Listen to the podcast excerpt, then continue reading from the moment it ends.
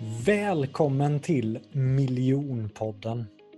Det finns tusentals föreläsare, coacher, konsulter där ute, men bara ett fåtal kan faktiskt försörja sig på det. Så frågan är, vad är det de personerna gör annorlunda? Varför lyckas vissa personer som föreläsare eller coach och vissa misslyckas? Det jag vill beröra i den här podden, det är det affärsmässiga med att vara en föreläsare, coach eller frilansare.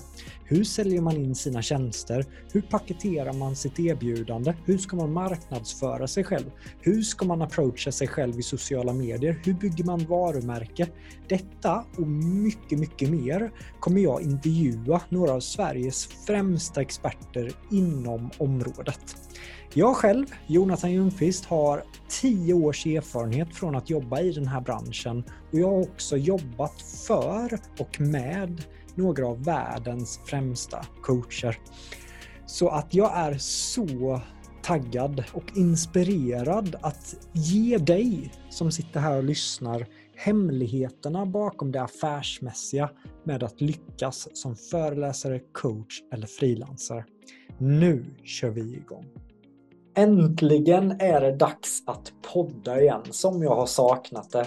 Och idag har jag ingen mindre än Ola Wallström här. Och det som är så spännande med Ola, det är att han har inte varit i branschen tre år fyra år. Han har varit i branschen i snart 20 år och fått vara del om vad är skillnaden för 20 år sedan och nu som föreläsare. Så det är som att Ola har gått igenom så många olika faser och det är jag väldigt, väldigt nyfiken på att djupdyka under det här samtalet. Ola har varit en framstående föreläsare i Sverige, som sagt, under två decennier. Han har jobbat med världsledande inom personlig utveckling som bland annat Bob Proctor, coachar så mycket ledare, så mycket chefer och vissa år har Ola omsatt miljontals kronor på sina föreläsningar och sin coachning.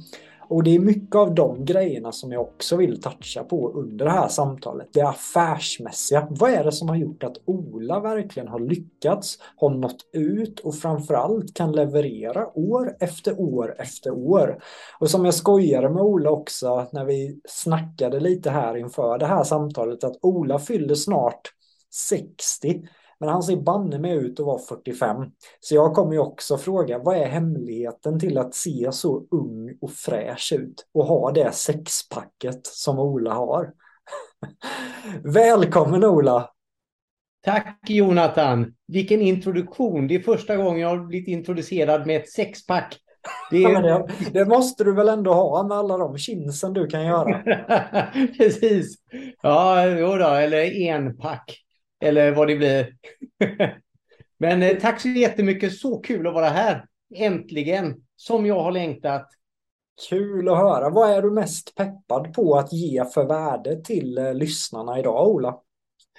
Jag tror det är att vi inte måste någonting. Det är så många gurus, lärare, coacher där ute som säger du måste tänka stort. Du måste gå upp fem och prima. Du måste göra det ena och det andra. Och jag tror inte att vi måste någonting. Det är ju intressant att du säger det Ola, för att vi har haft eh, andra gäster här som, som står för olika saker. Och det är det jag tycker är roligt i den här podden, att jag kommer inte gå in och, och döma, utan jag vill lyssna på många aspekter.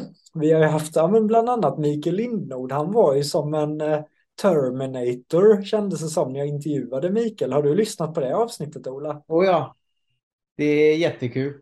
Det var Känner ett du... roligt avsnitt. Känner du att ni två står för samma saker eller kommer du ha en annan vinkel på det? Alltså, alltså på visst sätt gör vi nog det, men vägen dit kanske är olika. Vi eh, gör så Ola, att vi hoppar tillbaka. Vi två lärde ju känna varandra på Hoks herrgård, visst var det så? Ja, vi träffades ju först hemma hos eh, David eh, Phillips ett par gånger och sen möttes vi i gymmet på Hooks och så hade vi första gången tid att prata. Och du ja. körde direkt med dina hookar och så sa jag vi måste jobba ihop. sa jag det? Åh oh, herregud. Men då kommer jag ihåg att du berättade en jätterolig berättelse för mig hur, hur allt startade för dig där kopplat till att faktiskt bli en föreläsare. Och det går ju tillbaka till din militära tid. Vill du, vill du dela den berättelsen Ola? Ja, alltså den, den är ju inte så smickrande för mig, den berättelsen. Jag kan börja med att eh, åka skidor med utförsklubben från Göteborg till Ramenberget och jag upptäckte att där framme fanns det en mick. Och när jag väl fick fatt i den, jag var 10-11 år gammal, så fick de inte loss mig därifrån. Och än idag är jag förvånad över att de släppte på mig på bussen på vägen hem. För de var så trötta på mig hela tiden. Så där var nog min första aha, faktiskt. Och min andra stora, det var, om jag ska ta lumpen ändå, så var det att jag låg ju precis som du på K3 jägarbataljon. Så jag låg där som elitsoldat och vi var ute i fält hela tiden. Och så fick jag nys om att det fanns något som hette värnpliktsriksdagen. När varje förband skickade två representanter till den här riksdagen som då var de värnpliktigas, 35 000 värnpliktigas fack, fackförening. Och den här veckan skulle kompisarna bo i tält i Tiveden och jag såg framför mig en vecka på hotell i Örebro istället. Så jag såg ju till att bli vald. Jag hade en kampanj, på Karlsborg och berättade att nu ska vi strida för fosterlandet och eh, vi ska stå då för jägar, jägarnas mentalitet och de tuffa och så vidare. Och alltså, jag var 20 år då, jag var inte smart, jag var inte taktisk. Det, alltså, utan jag bara körde på utan att tänka. Så jag blev vald och då åker jag då till värnpliktsriksdagen till eh, och åker dit i fullständig permisuniform och basker och nyklippt och alltihopa. Och det var helt fel ställe att vara klädd så, för detta var fackföreningen för de värnpliktiga. Och så satt jag där i salen med 600 pers i Örebro och så tittade jag mig omkring och så tyckte jag, så fick jag en idé. Så jag gick upp och så sa det att innan vi börjar så kan vi då kasta ut de vapenfria och, och de som har frånsagt sig värnplikten och sånt. För de har ju frånsagt sig rätten att prata här. Och så gick jag ner och satte mig och så kollade jag vad det var som skulle hända. Och det blev ju en halv dags diskussion, det blev en halv dags fördröjning av hela värnpliktsriksdagen. För att jag i min dumhet och ungdomlighet fick en idé som jag testade. Men det slutade naturligtvis med att de var kvar för de hade all rätt att vara där. Och sen hade jag upptäckt den talarstolen, det var som micken i bussen på vägen upp till fjällen. Så jag stod där uppe och bara pratade på det som kom i ögonblicket. Och jag häcklade de som var svagare, precis som en känd amerikansk president. Och det är det här jag inte är stolt över. Men det som var intressant, det var att jag gick upp där i talarstolen och så kände jag vad jag skulle säga. Jag kände, vi hade publiken, ungefär som han där borta i USA som var president för ett tag sedan. Bara kände att nu ska jag bara få alla att ropa put her in jail, put her in jail. Och jag kände vad jag skulle säga för att få de här 600 personerna med mig. Varenda ögonblick som jag stod där uppe. Och det var en berusande känsla för en 20-åring. Vilket gjorde att jag fortsatte med idiotierna och trycka på de som var svagare än mig. Få in skratt på bekostnad av andra. Och sånt som jag... Alltså idag så fattar jag inte riktigt hur jag tänkte, men jag tänkte nog inte överhuvudtaget. Däremot var det så intressant att känna rummet intuitivt och känna vad man skulle säga. Det slutade med att jag blev vald som representant för Sveriges 35 000 värnpliktiga. Så jag satt i Sveriges centrala värnpliktsråd ett år. Jag efterträdde Fredrik Reinfeldt. Jag satt tillsammans med Sven-Olof Littorin och hade inte förstått att det var en politisk broilerskola. För allt jag ville från början det var att bo en vecka på hotell istället för en vecka i tält i Tiveden. Jag, jag tycker ändå det, som du säger Ola, det häftiga med den storyn tycker jag är ju att du ställer dig upp för publiken, du känner dig hemma och det är som att här trivs jag. För många ställer sig upp där och är nervösa och rädda men du känner tvärtom. Och det måste väl ändå då ha påbörjat din eh, tankeverksamhet om att tala mer och på olika ställen, eller var det så Ola? Och ja, definitivt. Alltså det många inte har förstått, det är att står man där framme så står man på det säkraste stället i rummet. Det vet ju du också, det är ju där du kan få dem att skratta och gråta och göra saker. Vad menar du där Ola med det säkraste stället? För det är nog många som känner att det där är det värsta stället, speciellt bland mina kursdeltagare. Men det är där du har befälet, du har kommandot, det är du som styr genom det du säger, det du gör, hur du involverar deltagarna, hur du får dem att stå upp och klappa i händerna, hoppa, alltså krama varandra. Det är du som styr. Och det innebär att då är det en säker plats.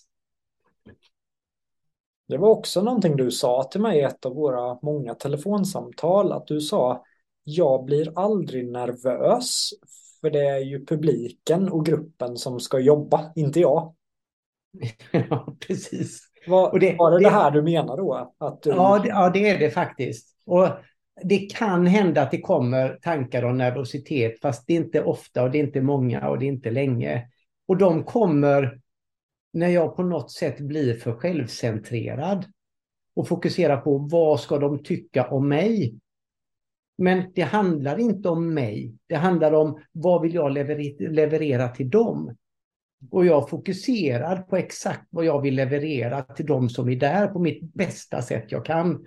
Så är jag inte nervös för då handlar det inte om mig. Och vad de ska tycka om mig, om de tycker jag är dum eller snäll eller ja ja men det, det är ett jättebra tips som, som det är väldigt många andra som trycker på så mycket också. Att det främ, främsta sättet att bli av med nervositet är att verkligen sluta fokusera på sig själv. Men efter din militära där eh, politiska karriär, började du jobba som föreläsare då? Eller vad hände sen? Sen, sen i korta drag så tog jag säljjobb och kände att jag ville vidare efter det. Så jag läste till civilekonom. Jag gjorde tio år i karriären. Jag satt på ledande poster i näringslivet.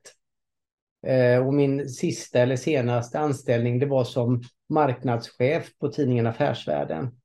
Så jag gjorde ganska bra kometkarriär i tio år. Och varför, jag... varför slutade du? Eller du gjorde en kometkarriär, tio år, ledare, chef. Vad var det där som fick dig att, nej men nu hoppar jag av från den här kometkarriären och blir föreläsare istället? Vad, vad hände där? Det var, det var för att vi fick barn. Så jag var eh, marknadschef på tidningen Affärsvärlden. Min fru var eh, hårdkokt managementkonsult. Och när våra barn på två och fyra år blev sjuka så bråkade vi om vem som hade viktigast möten. Och då kunde hon åka in halv sex på morgonen, var där till tolv. Vi möttes i dörren. Jag åkte halv ett, var inne på jobbet ett och körde till nio, tio på kvällen. Och så satt vi och tittade på varandra så sa vi, varför är det det här vi har kämpat för? Är det så här det ska vara? Och vi kände båda att det var inte tillräckligt kul. Så när våra barn var två och fyra år så hoppade bägge av karriären. Och sa att eh, nu gör vi någonting annat. Och eh, vad hände där? Nu gör vi någonting annat.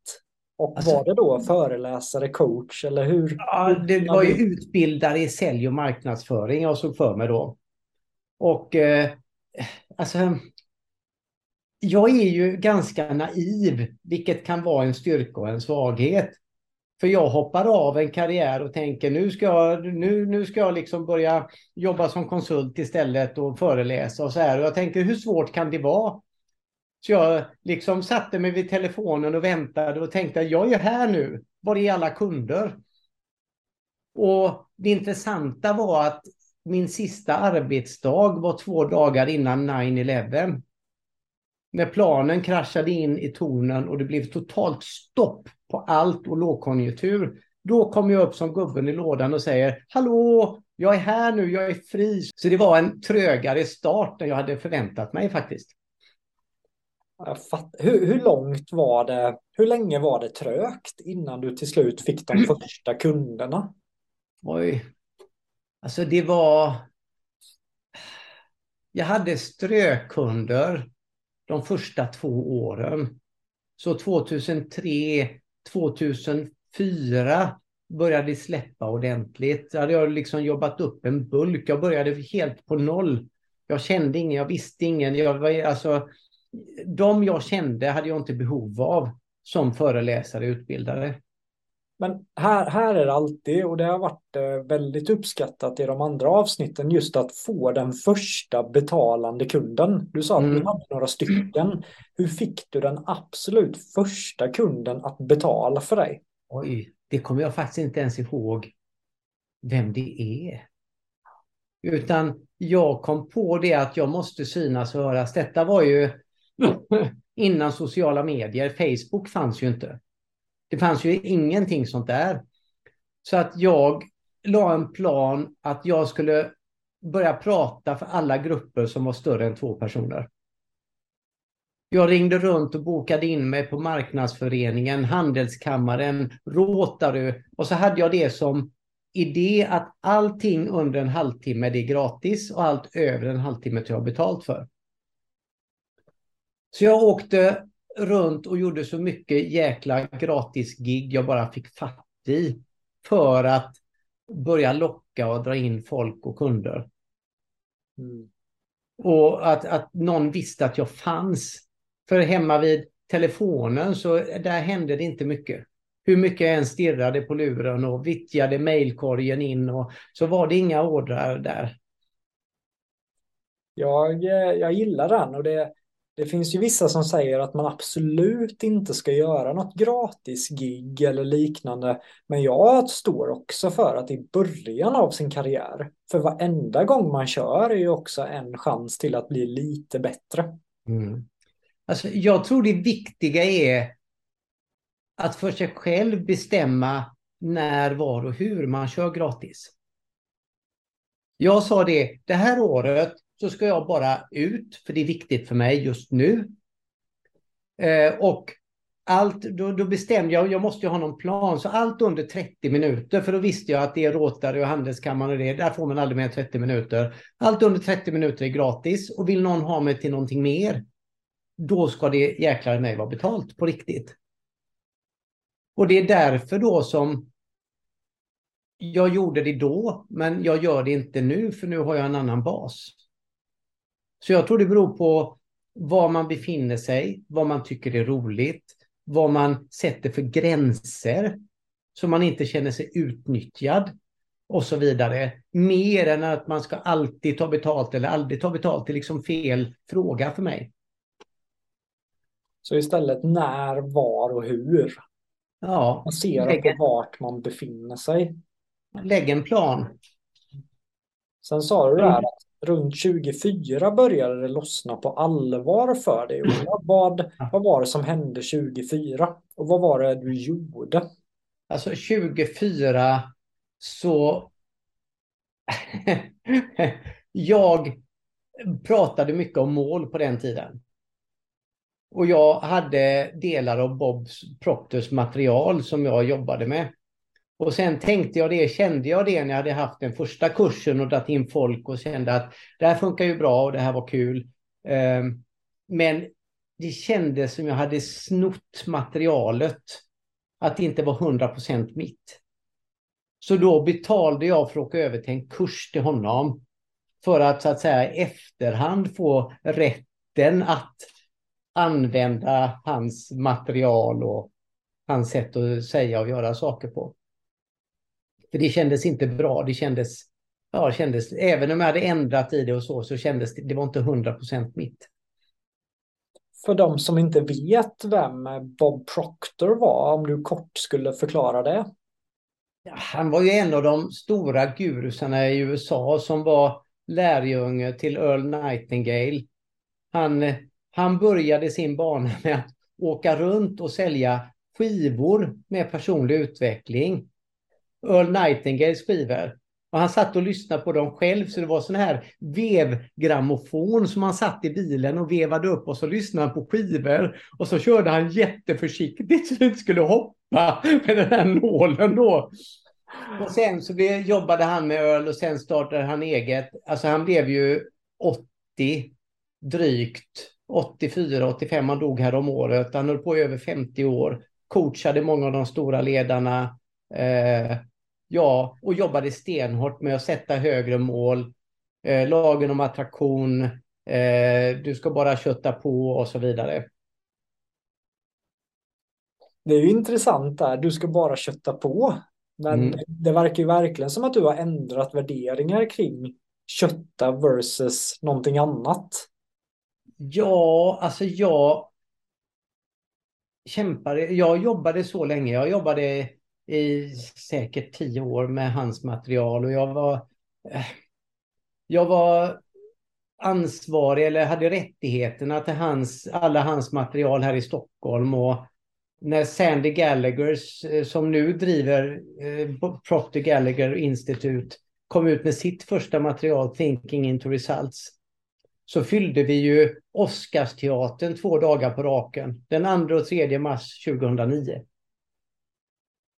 Och jag jobbade på, jag kämpade på, jag slet på, jag var framgångsrik, jag delade scen med Bob Proctor och Sandy Gallagher, jag tjänade mina miljoner, men någonstans i kroppen så kändes det fel. Någonstans så blev det det här själva jagandet. Och jag såg också på mina kunder som är fantastiska människor som gjorde utomordentliga saker, som uppnådde det andra knappt kan drömma om. Och så såg jag att deras lycka och välmående och glädje över det de har uppnått var så kortvarigt. Det var så momentant. Så då försökte jag vara logisk. Och så tänkte jag att om nu då lyckan av att ha nått det här målet som man då sätter och sen så kämpar man och kämpar tills man har nått dit och så jobbar man och så primar man och fixar och en dag så är man där. Men det är så momentalt så jag börjar lära folk att så snart du har nått ett mål, sätt blixtsnabbt nästa. Annars blir du lat och besviken. Så allt som fanns kvar var jakten. Och livet är så mycket mer än att jaga förväntningar. Jag sitter och antecknar här Ola. Det är, det är viktigt och även för mig själv. Det är, jag har alltid stått för att det är något lurigt att växa för fort. Och jag med människor runt omkring mig som jag också har nämnt i, i några avsnitt här, att mm. eh, pushar ju mig att men Jonathan, du kan ju omsätta 100 miljoner om några år. Och jag gick ut med ett mål att eh, gå för 10 miljoner inom en ganska kort tid och fick ju nästan kritik då att det var för fegt att sätta ett sånt litet mål och jag tyckte det var mm. stort mål. Och, och så sitter man här nu med kunder och man gör deals som man förra året hade varit jättenöjd med men nu kanske man känner åh nej, det, då köpte de inte sju kurser, då har jag ingen chans ens att nå dit och, och då blir det ju faktiskt ett problem. Mm. Och sen, sen finns det ju, som jag ser det, finns inga regler här heller. Det är själva kämpandet som ska bli bort. Alltså, när du upplever att du kämpar istället för att du jobbar på i flow, det är där någonstans du ska stanna upp och tänka. För det första då så är det du som ska sätta dina mål. Mm. Och inte andra som ska tycka vad du borde eller inte borde göra. Det är min grundinsikt. Mm. Så att en bra coach berättar inte för dig vad du ska ha för mål. En bra coach lockar fram de målen eller de, den riktningen som finns inom dig. Som du tycker vore så jäkla balt om det gick. Och jag ska ge dig mitt absolut bästa Alltså, det är en annan känsla än sätt det så högt du bara kan och sen sätter du lite till och sen så sliter du och kämpar tills du kommer dit. Och det blir, det blir liksom fel för då glömmer man vad livet är till för. Man glömmer, kan glömma vad man kämpar för. Alltså det är som berättelsen om prästen som kommer gående på vägen för hundra år sedan. Och så ser han bonden som ligger under trädet och latar sig med ett grässtrå i munnen och halvsover. Och prästen säger till bonden, men vad, vad falskt, ligger du här och latar dig mitt på dagen? Ja, säger bonden. Men, men du kunde gjort så mycket bättre. Som vad då, säger bonden. Ja, titta där borta, där har du träden. Du hade kunnat hugga ner de träden. Och sen hade du kunnat göra åkermark där träden står. Ja, sa bonden. Det stämmer, hade jag kunnat. Och sen då? Jo, sen hade du kunnat så där. Och så hade du kunnat få mycket mera spannmål som du sålde på marknaden. Ja, sa bonden. Vad hade jag gjort sen då? Jo, sen hade du kunnat tjäna så mycket pengar så du bara hade kunnat ligga och lata dig. Och bonden säger, ja, och vad är det jag gör nu? Mm. Och det jag vill åt, det jag gillar med den, det är att livet är nu. Det är vägen på sätt och vis, en gammal klyscha, vägen som är målet. Att har du inte kul på vägen mot ditt mål, din dröm eller vart du nu är på väg. Vissa har inte ens någon dröm, vissa vill bara ha ett gott liv. Och då ska jag hjälpa dem att få ett gott liv. Men det är vägen, det är nu livet sker, inte när jag är där framme, när jag har tjänat de hundra miljonerna, när jag har Ferrarin, när jag har allting det här fantastiska. Det är inte där, när du kommer dit så är det inte på det sätt du förväntade dig ändå. Så kom ihåg att livet är nu. Livet är glädjen att bygga ett bolag. Glädjen att få in en ny kund. Glädjen att testa en ny idé. Glädjen att växa som människa och känna att jag förstår mer idag än vad jag gjorde igår. Det, det är nu livet är. Jag får nästan ont i kinderna här. Jag, sitter, jag har nog aldrig hört dig i sånt här flow, Ola. Wow! Du, du går igång på det här ämnet, det märker jag. Ja, alltså jag går riktigt igång. Ja, det var så många år som jag lärde ut att du måste sätta ett högt mål och sen måste du lägga planen och beta av allting tills du kommit dit. Och idag känner jag att det finns, det finns en ytterligare nivå ovanför kämpandet. När du är i nuet, när du är här och nu, och inte ha massa tankar på hur saker borde vara, hur du kunde göra eller någonting, då är du ditt bästa jag och då är du i flow. Och när du är i flow så presterar du naturligt utan att kämpa. Och det är dit jag vill komma. Det, det, är nästa nivå från att sätta höga mål och kämpa sig dit. Det är att slappna av, att vara i sig själv och vara här och nu och göra sitt bästa varje givet ögonblick. Och det är allt vi kan göra. Jag läste faktiskt ett citat idag, Ola. Mm. I en bok av Dale Carnegie och där stod det så här. Det finns mm. två saker man ska sikta på i livet. Det första är att nå dit som du vill. Och det andra är att njuta av det då som du har uppnått. Och väldigt få människor bemästrar steg två. Alltså att njuta av dit som man har kommit. Ja, precis. För alltså kolla på oss här Jonathan. Du har ju gjort någonting magiskt de senaste åren när du startade ditt företag, fått in kunder och byggt ett team och skapat kurser. Du, alltså, du har ju gjort det många inte ens vågar drömma om. Och du är ju bara precis i början av din karriär. Så kom ihåg att njut av varje dag, för de här, det här går inte i repris. Det är nu livet är. Det är att prata med dig på podden, ha skitkul och liksom känna om man går igång på ämnen och du har frågor. Och, alltså... Jag tycker det här är väldigt viktigt eh, Ola och eh, jag älskar att du kommer in med den här vinkeln i det här också. Jag ville ju egentligen aldrig döpa min kurs till miljonkursen. Det var ju bara det att när jag inte gjorde det och jag döpte kursen till så blir du en mer engagerande coach eller sådana grejer, så då var det ingen som köpte kursen. Men när jag döpte kursen till så gör du din första miljon. Ja, men då blev det, då blev det 30 pers i reservkön. Så, och sen dess har det bara blivit att Det har varit mycket mot mål, pengar och de här delarna. Och det är det jag har kunnat hjälpa kursdeltagarna med. Men helt plötsligt sitter jag här. Alltså, det, det gör jag också ibland att jag, hur ska man säga, säljer in det de vill höra och ger dem det de behöver. Vilket inte alltid är samma sak. Ja. Men på något sätt måste man ju hocka dem och väcka deras intresse och få dem att vilja ta del av det både du och jag har att erbjuda. Och då får man ju prata deras språk där de är just då. Mm. Men om vi också wrappar upp det här med att njuta av nuet. Hur, vad, vad är de bästa sätten tycker du Ola till att faktiskt göra det? För det är många som säger, men var i nuet, njut. Hur gör du Ola för att faktiskt njuta av nuet i vardagen? Eh, jag vet inte. Jag tänker inte så mycket hur saker kunde eller borde vara. Kanske. Jag ser till att träna och prata med min fru och med mina barn och med kompisar. Alltså, eh, det, det finns liksom ingen... det finns liksom ingen modell eller metod, utan det är väl egentligen bara att låta alla tankar som kommer farande vara en stund.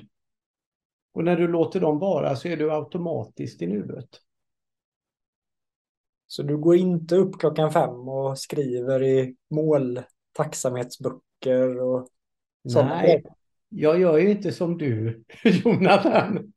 Det gör faktiskt inte jag heller just nu. Jag är jättemorgontrött så jag, är det? Ja. jag går ju upp vid typ halv åtta ungefär. Ja. Sen kör jag min priming.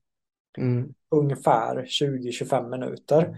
Problemet med det är ju att jag nu ofta har James så att eh, det som är så häftigt med min priming nu det är ju att jag istället för att tänka tillbaka på minnen av tacksamhet och stolthet och de delarna som jag gjorde då i min priming så spenderar jag nu ofta med James 25 minuter, en halvtimme, ibland en timme och försöker bara lägga bort mobilen fullt närvarande med James. Le så mycket jag bara kan mot honom, krama honom och vara tacksam över honom. Och då får jag den här enorma boosten av positiva mm. känslor på morgonen i ett närvarande tillstånd. Mm. Och det intressanta är när vi är närvarande i nuet så tenderar vi att alltid må bra. Mm. Med eller utan James, det är klart att det är lättare med James. Du har den fantastiska... Men bara vi är nuet mm. och släpper all ånger från gårdagen. Alltså många tror att nuet är liksom en tidpunkt, att det är liksom torsdag eftermiddag klockan 13.49, det är nuet. Men nuet är ett tillstånd för mig där du inte har någon ånger från gårdagen och ingen oro för morgondagen. Utan du är här och nu. Det är alltså ett område, ett tillstånd som är fritt från ånger, oro och alla de här sakerna. Och då är du i nuet och då mår du bra. Alltid. Vad skulle du då säga till eh, ja, men vissa av mina kursdeltagare som har sagt upp sig från sitt jobb Mm. Noll bokningar som föreläsare eller coacher från precis i uppstarten. Räkningarna ska betalas och mm. de blir väldigt stressade för framtiden. Vad skulle mm. du säga till sådana personer? Ja, alltså vi, har, vi alla har ju räkningar. Jag vill ställa en fråga, motfråga till dig. När presterar du som bäst Jonathan? Är det när du är orolig, stressad och pressad? Eller när du är lugn, klartänkt och i ett bra tillstånd? Orolig. Nej, jag skojar. Jag ville bara ställa dig på potten när du var så tydlig. alltså, det är ju självklart, eller hur? Ja. Och så säger man att det är klart att du är orolig. Men alltså, det är ungefär som... Om vi, om vi nu går, går tillbaks i bandet ett steg till. Och så går vi tillbaks till att jag började få kunder runt 2004. Och det började gå bra. Och jag började få upp saker ur, i luften. Och så var det i november 24 eller 25 som proppen drogs ur. Och alltså, jag hade gjort några dåliga investeringar. Och kunderna hade inte riktigt kommit in i den turordningen jag hade velat. Ja, och så var jag pank. Så jag visste inte jag skulle betala novembers räkningar. Jag visste inte jag skulle betala decembers räkningar eller ha råd med julklappar till barnen. Så jag var störd, var jag. Men jag hade sju uppdrag som började i januari. Så jag tänkte att, att bara jag löser det i det korta perspektivet så kommer allting vara lugnt. Så jag hade ändå viss, alltså jag var ändå, jag hade viss tillförsikt och var i ett halvhyggligt tillstånd trots detta. Och sen, jag tror det var första veckan i november, så drogs proppen ur. Och kunderna ringer in, varenda kund ringde in under en veckas tid och bokade av uppdragen.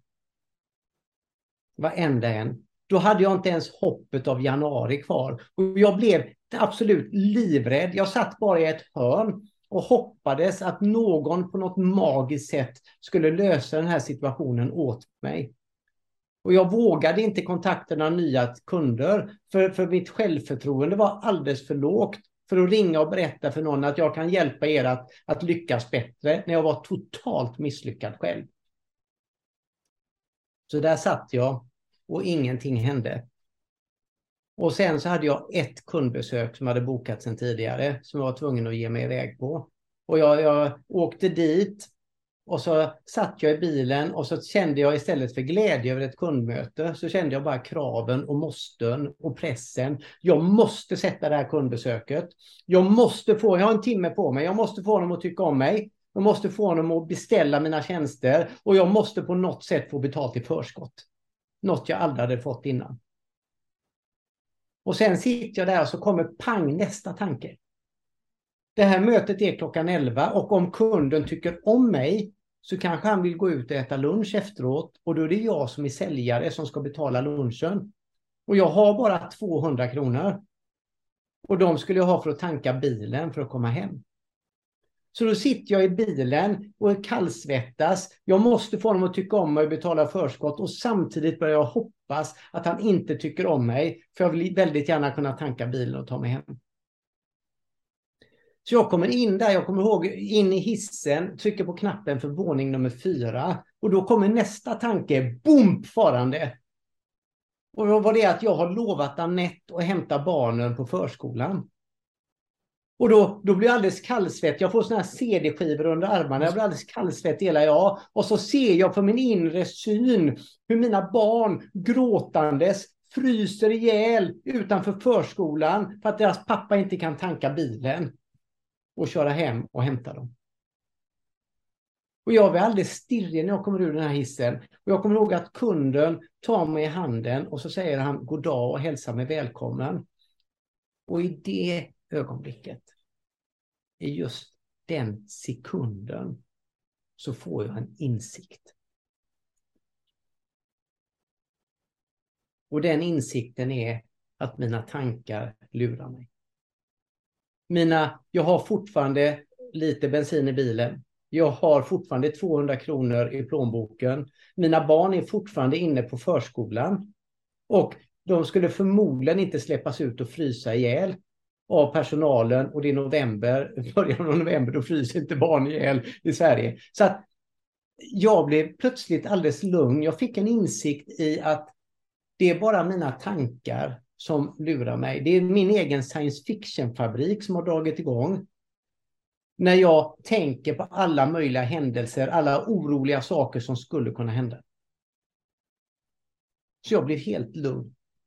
Och vi hade ett jättetrevligt kundbesök. Nej, den kunden köpte inte av mig. Men i bilen på vägen hem så var jag helt lugn. Jag var klartänkt. Jag kände mig stabil. Och då plötsligt kommer idéerna och hur jag ska lösa den här situationen. Ur lugnet, ur att vara i nuet, att förstå att oro, det är tankar om framtiden. Det är inte verkligt. Och i mars året efter så hade jag den bästa faktureringen jag någonsin hade haft upp till dess. Det vände på fyra, fem månader när jag hittade nuet, när jag hittade lugnet. Då kom jag tillbaks till kreativiteten, till glädjen, till allt det här som faktiskt skapar affärer och gör nytta för andra människor. Det var ett eh, gediget svar, Ola. Ja, det var en berättelse. Jag pratar ofta i berättelser, förlåt. Ja, jag, nej, jag gillar det och jag tycker det passar formatet podcast också. Aha. I samma bok som jag läste det här citatet, det är ju en av mina absoluta favoritböcker. För att jag själv var en väldigt orolig och stressad person. Och den boken var den första boken jag läste inom personlig utveckling. Och jag tror att när man läser någonting för första gången så blir man ju väldigt attached. Och det var mm. ju Dale Carnegies bok Så slutar du oroa dig och börja leva. Och när jag läste den boken var ju det jag berättade för dig när jag var i Sudan och jag oroade mig för att bli uppäten av lejon. Ja. Och då stod det ju i den boken att 99 procent av de sakerna som du oroar dig för, de händer inte. Och det var ju då jag insåg att hmm, finns det ens lejon i Sudan? och, det, och, det, och det fanns det ju inte. Och jag tror att många föreläsare och coacher, eller jag vet, oroar sig för saker som troligen ändå inte kommer att hända och det påverkar omsättningen också. Ja, och, och sen, sen är det ju... Alltså det, det, nu ska det inte låta som att vi säger ja, ja, ja sluta oroa dig så blir allting lugnt. Men, men att förstå det jag coachar i och jobbar mycket med det är ju att förstå tankens natur. När vi förstår vad en tanke är, att en tanke är bara en tanke. Den är inte verklig, men den upplevs som verklig av den som tänker. Alltså, men tankarna känns så verkliga. Det, det är science fiction-fabrikens jobb. Mm. Men när vi förstår tankens natur så kan den oroliga tanken få vara där utan att vi ger den så mycket energi och kan fortfarande vara klartänkta och lugna och hitta de här bra lösningarna som tenderar att alltid finnas även i kristider. Jättebra input. Om jag hoppar till, eh, du är ju väldigt, du, ut, du utbildar ju också inom försäljning, du är väldigt duktig inom försäljning. När du har sålt in dina föreläsningar och mm. coachningsprogram, vad har du använt dig av främst? Är det möten? Är det LinkedIn? Är det skicka brev? Jag vet inte vad man gjorde 24 riktigt, Ola. alltså, det jag byggde hela min verksamhet på då, det var ett inspirationsmail varje vecka. Och sen tog jag fram ett, vad man idag skulle kalla en masterclass med CD och DVD-skivor som jag sålde och paketerade på massa olika sätt och det hette Pengar växer faktiskt på träd.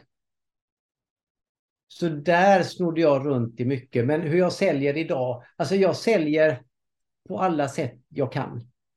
Jag försöker sälja på LinkedIn och så här, men jag är inte speciellt framgångsrik med att sälja på LinkedIn. Än, ska jag säga.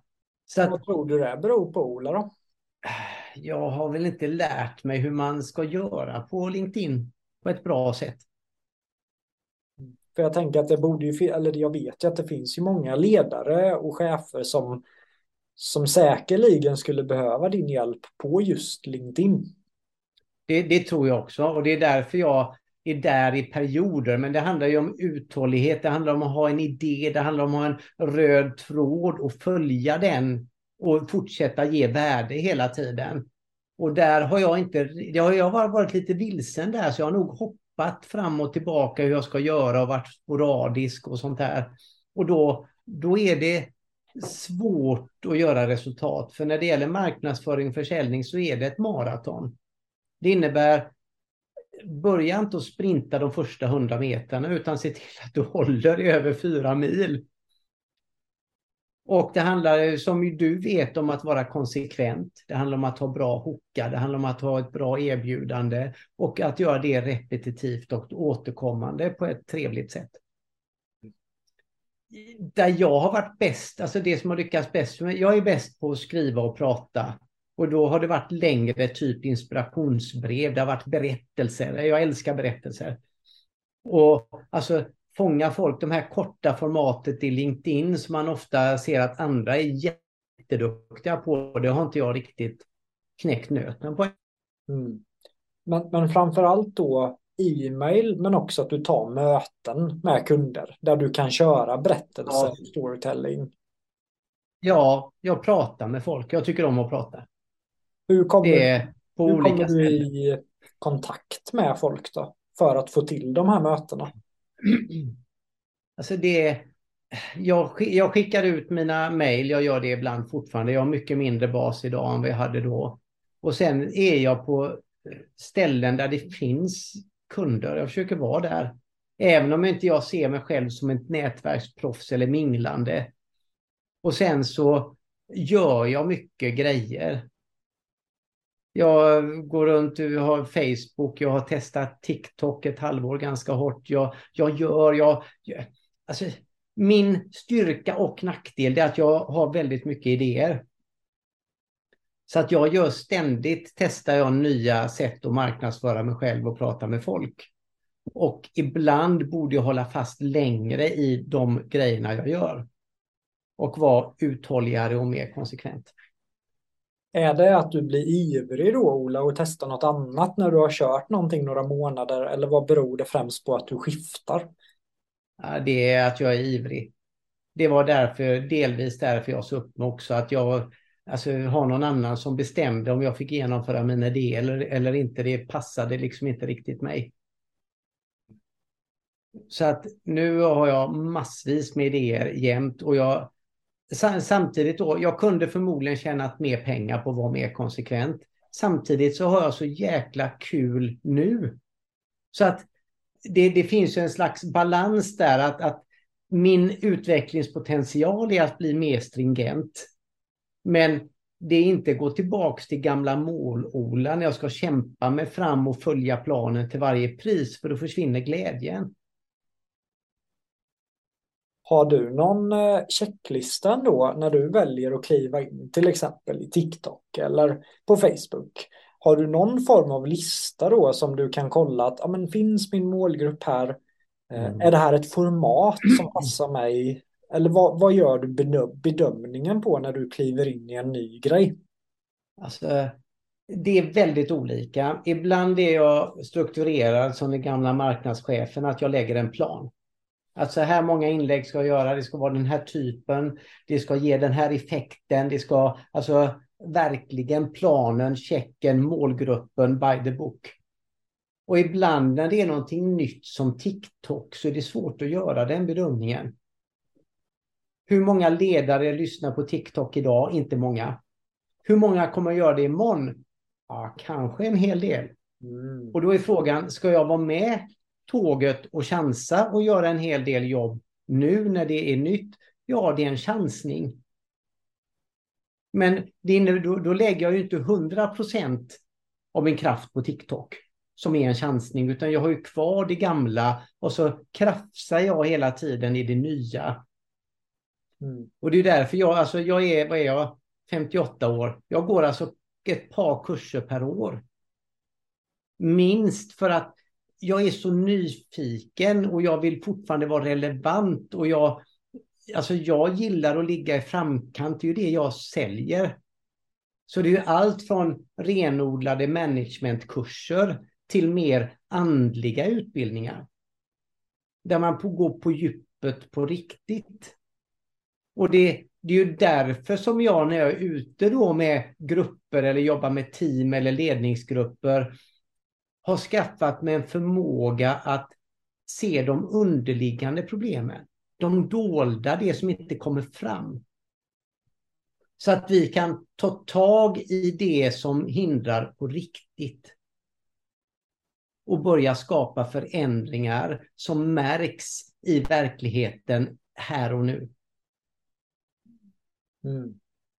Det är då intuition, känsla kopplat till det rationella och det, det, är väl där jag skiljer mig, tror jag, från många andra. Att jag har den här intuitiva delen, den här andliga. Jag känner ungefär som när jag stod på scenen när jag var 20 år. Jag känner vad som händer i rummet. Och jag tror att alla har den förmågan, men inte alla som har lyssnat på den och lärt sig förstå den.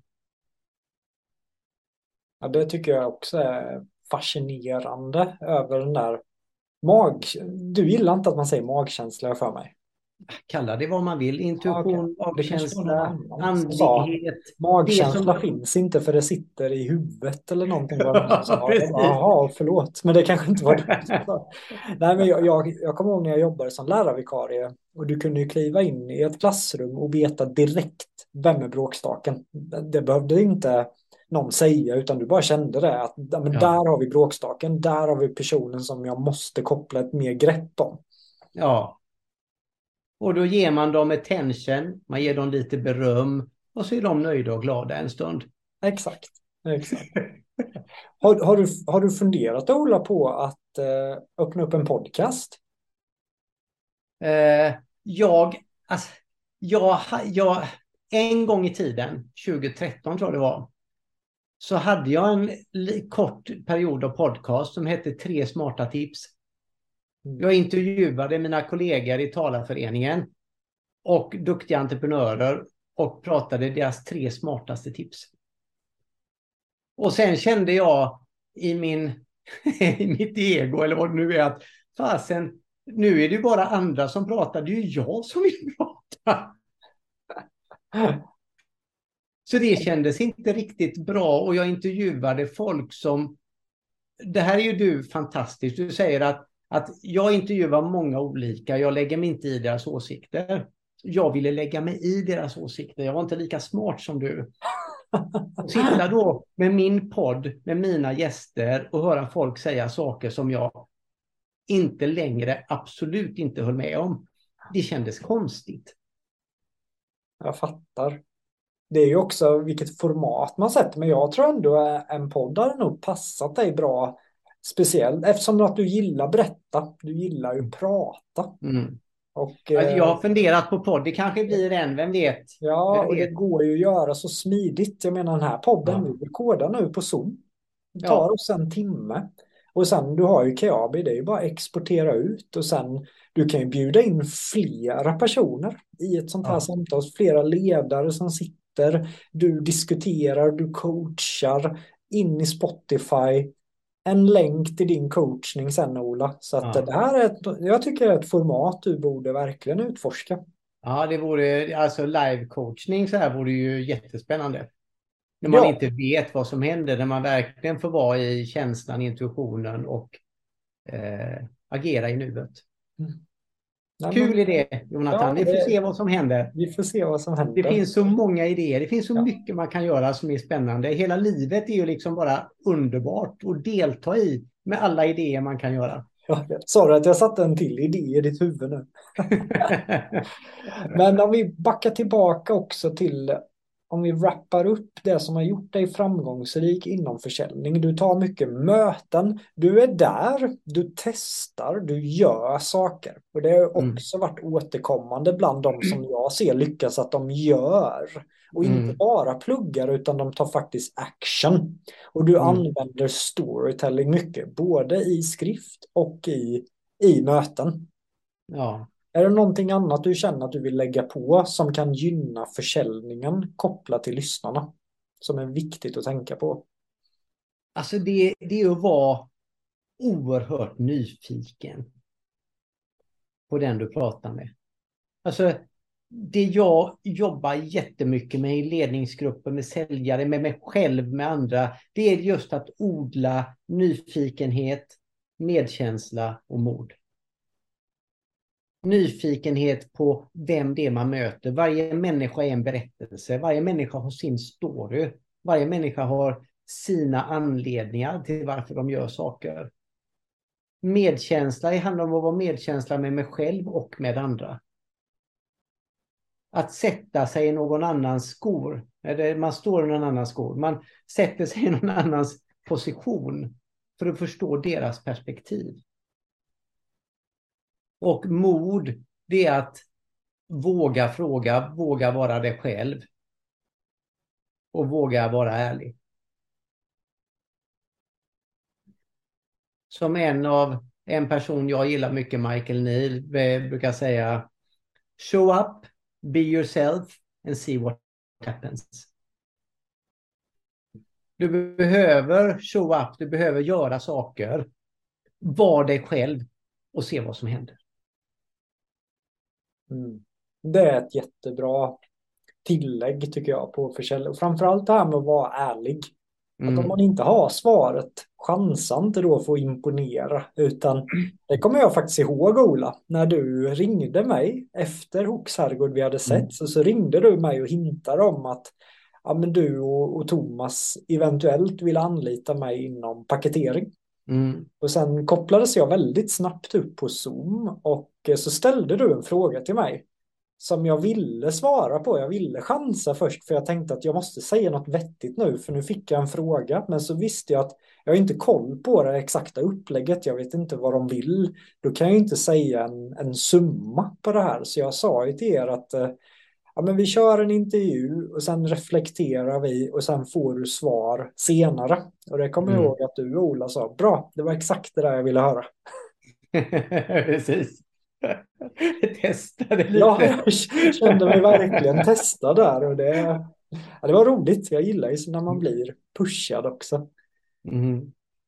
Nu ska vi se här i mina frågor också.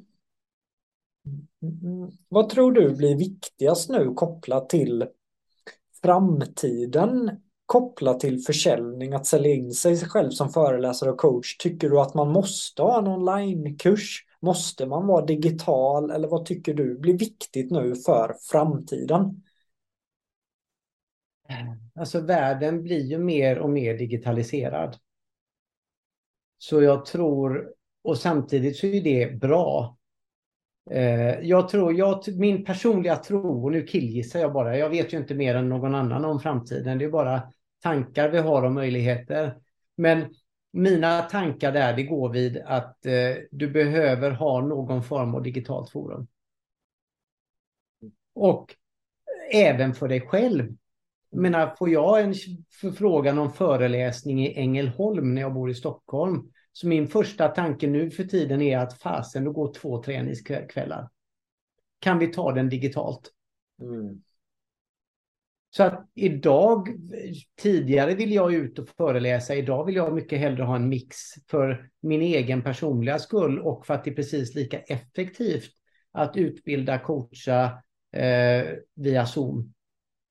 Föreläser gör jag fortfarande helst på plats för det är så god känsla med publiken. Men både utbildningar och coachingar, det gör jag nästan hellre via Zoom och tio sekunder efter jag är klar så är jag ledig.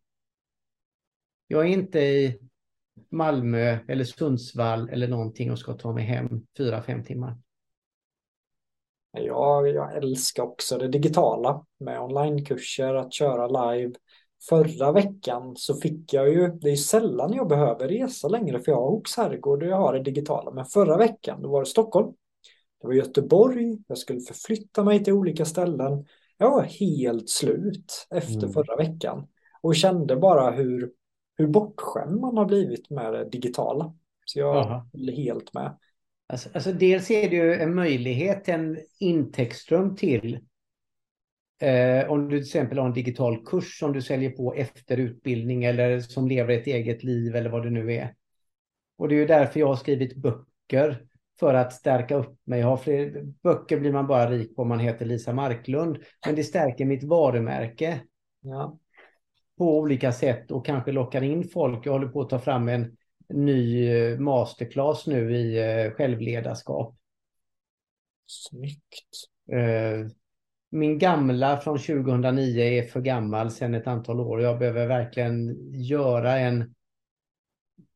Jag sitter här och skriver för fulla muggar nu för att sen spela in och göra en riktigt bra digital kurs i självledarskap. Enligt mitt perspektiv. När man inte behöver kämpa när man vill må bra och lyckas utan att kämpa.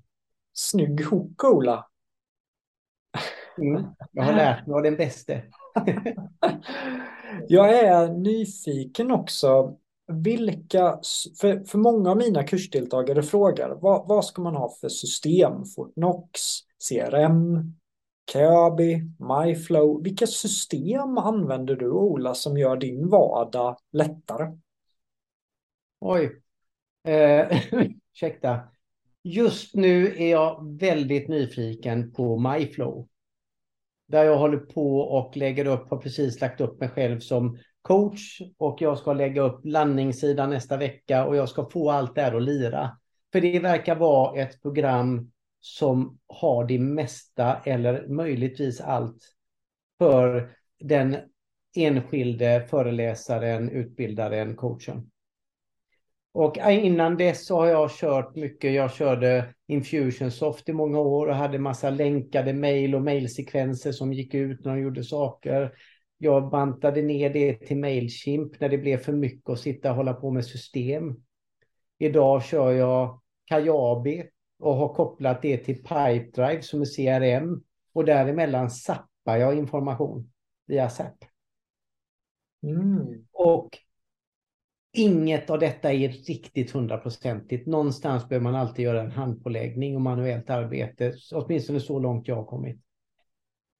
Så att jag har ett CRM i Pipedrive, jag lägger upp kurser och har hemsida på eh, Kajabi. Och sen har jag Zappar däremellan. Och sen så, som alltid så testar jag grejer, så jag testar Get Accept och lite sånt där när man skickar ut offerter med videos och så. Just det. Ja, men eh, jag, jag ser också verkligen fram emot att sätta tänderna i MyFlow. Jag har gått in som delägare i MyFlow så det är väldigt roligt att du lyfter just eh, MyFlow. Det jag gillar med dem är att de har helheten. Jag har ju det mesta av mina onlinekurser i Kajabi, men det finns inget CRM till exempel. Det finns inget offertverktyg. Det, det finns så många grejer mer man egentligen behöver som faktiskt finns mm. i MyFlow också. Så jag kommer köra på, på båda dem. Men nu är jag delägare i MyFlow också faktiskt. Ja, just det, det sa du. En, min, en mindre post. För jag tror på den idén att koppla ihop allt i samma. Får han det att funka på det sättet som det verkar funka så är det ju hemsida, utbildningar, CRM, offertverktyg, det är allt i ett. Nu sitter vi här och gör, får man göra sån här reklam i poddar? Det är ju min podd. Så det är det som är så fantastiskt att ha en podd. Vi får ju säga vad vi vill till en viss måtta. Jag, eh, tiden börjar ju ticka. Jag älskar ju varje gång du pratar om förväntningar, Ola att just att man har förväntningar på sig själv som föreläsare och coach, att man ska lyckas, man ska uppnå miljonen, man ska göra det här och sen helt plötsligt blir det inte så. Vad, vad har du för reflektioner kring ordet förväntan? Oj, det lärde jag mig en gång. Ska vi ta en berättelse? Ja, men det gör vi. jag fick en helt ny syn på förväntan för ganska många år sedan, 2015 kanske när vi hade en gäst hemma hos oss. Det var en Manuela Tornov hette hon. Hon hade A Course in Miracles, en mer andlig utbildning. Var i Stockholm och sen var det fullt på hotellen. Det fanns ingenstans att bo. Ja, detta var lång tid, det var 2012 förstår jag. Eh, och då så erbjöd jag Anette att bo hos oss. Men just då hade vi byggt om hela huset. Vi hade blåst ut allt invändigt och så byggde vi upp allt. Så det fanns dörrar men det fanns inte handtag och inte lås och sånt där. Men hon fick en säng för natten. Och så fick hon en tre decimeter skruvmejsel av mig. Och så sa jag varsågod det här är badrumslåset som kunde då stoppa in och vrida om låskolven med, med, med skift, vad heter det, skruvmejseln. Och så satt vi åt middag hemma hos oss och så frågade vi att vi hoppas att du inte är besviken liksom på att det är så spartanskt här nu. Och då sa hon ett par ord som jag har levt efter sedan dess. När hon sa att när jag inte har några förväntningar på hur jag tycker att saker borde vara så är allting okej. Okay.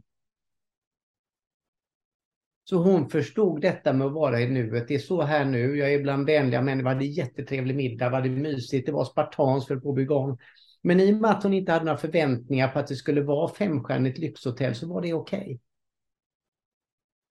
Och alla förväntningar vi har. Det är okej okay att ha förväntningar. Det, alltså, jag älskar att ha förväntningar.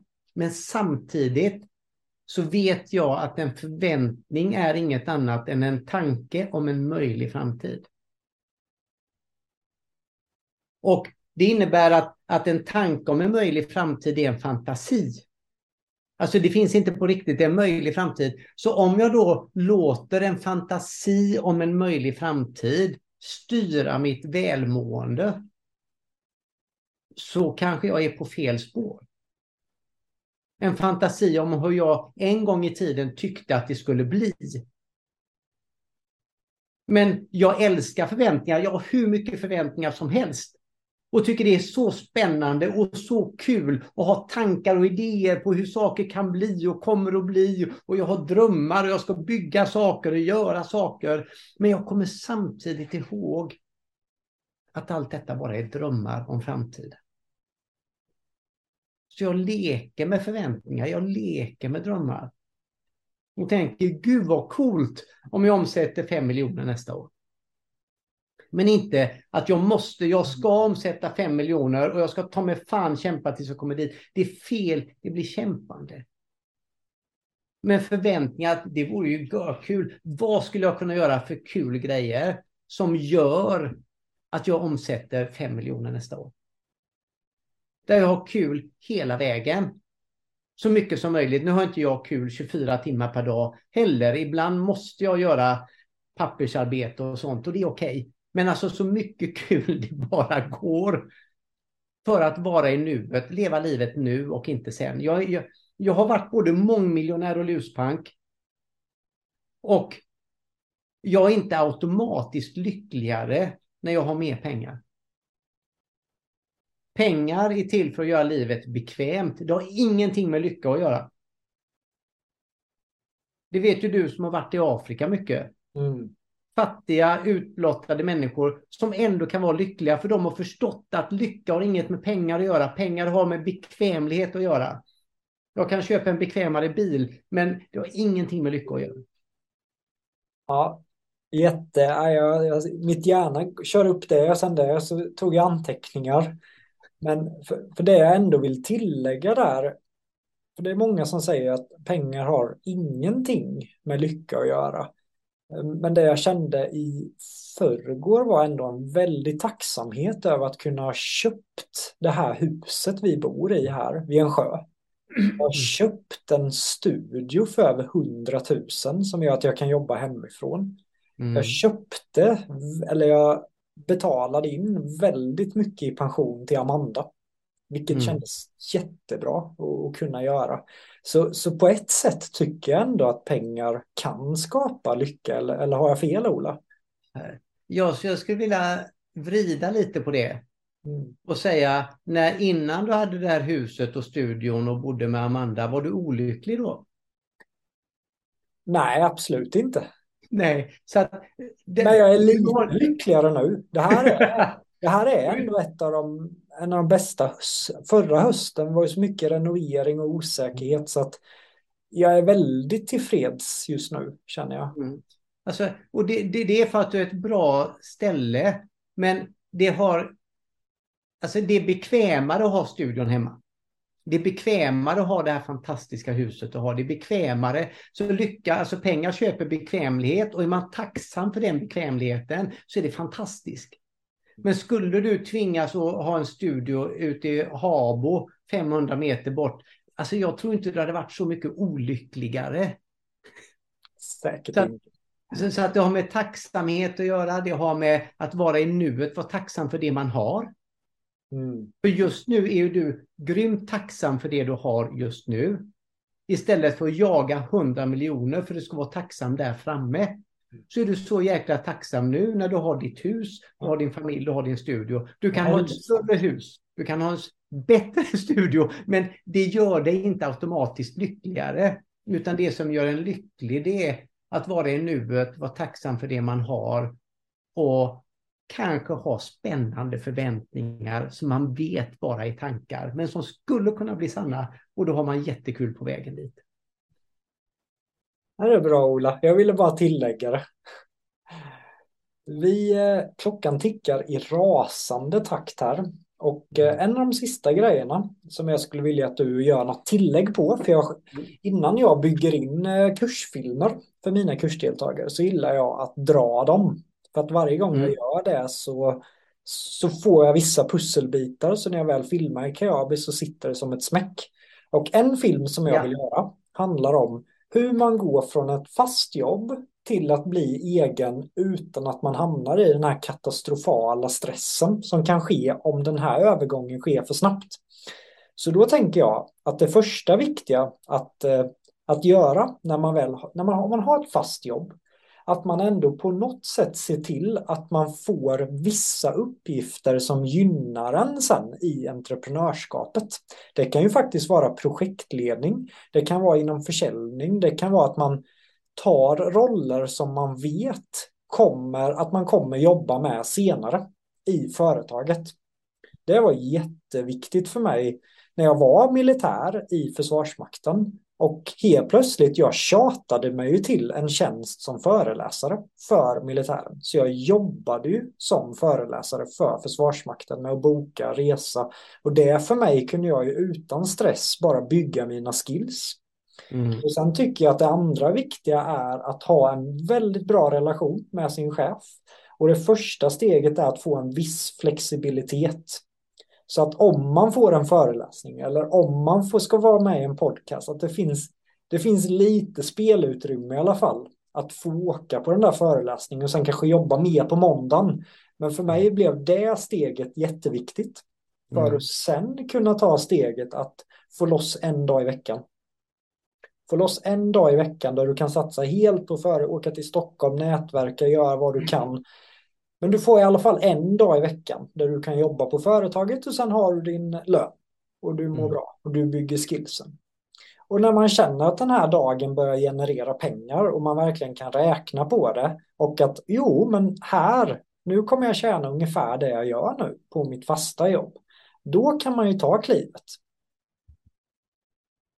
Så där börjar mina tankar, för, för vissa av mina kursdeltagare säger upp sig direkt och sen blir de ju eh, desperata till att få kunder och det lyser igenom i kundmöten. Mm. Så jag vill göra en film om det behöver inte gå så fort. Det kan vara några år där man gör den här processen om man vill safea mer.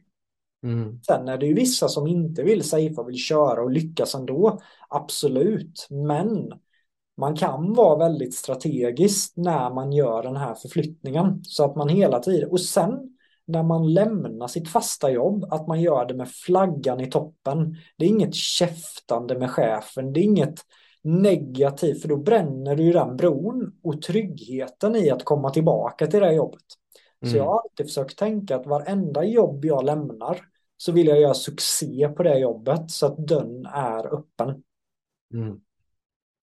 Gillar du det här snacket Ola och är det någonting du tycker ska tilläggas?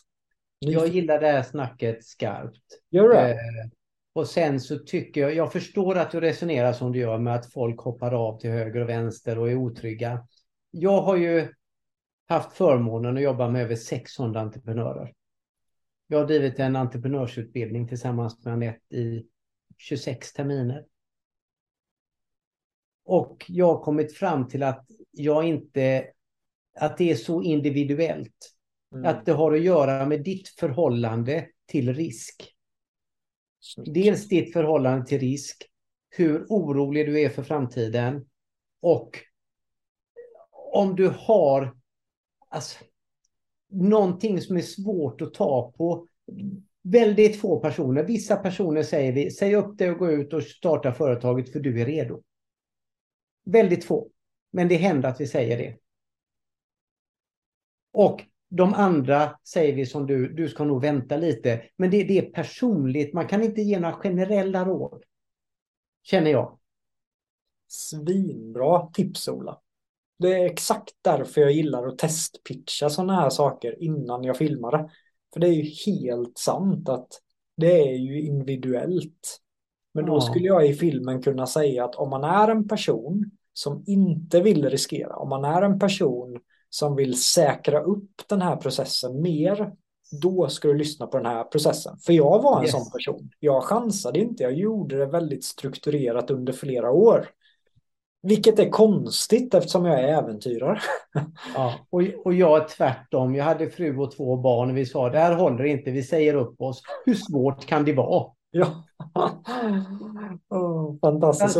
Vi, eh, vi behöver börja wrappa upp här. Mm. Är det eh, någonting sista som du vill skicka med Ola till eh, lyssnarna? Alltså, var lagom naiv. Man behöver vara naiv för att satsa på en karriär som föreläsare, coach. Eh, och samtidigt får man inte vara för naiv så man bara springer på utan att tänka. Men en viss mått av naivitet och tänka hur svårt kan det vara och jag är nog jättebra. Det är, alltså det är gött att ha med sig. Stort tack Ola. Jag tycker att du har stått för otroligt mycket visdom idag. Dels kopplat till hur man kan tänka, kopplat till att inte stressa upp sig, att vara närvarande och leva i nuet. Att i förhandlingar och försäljning verkligen vara öppen och ärlig och vara sig själv.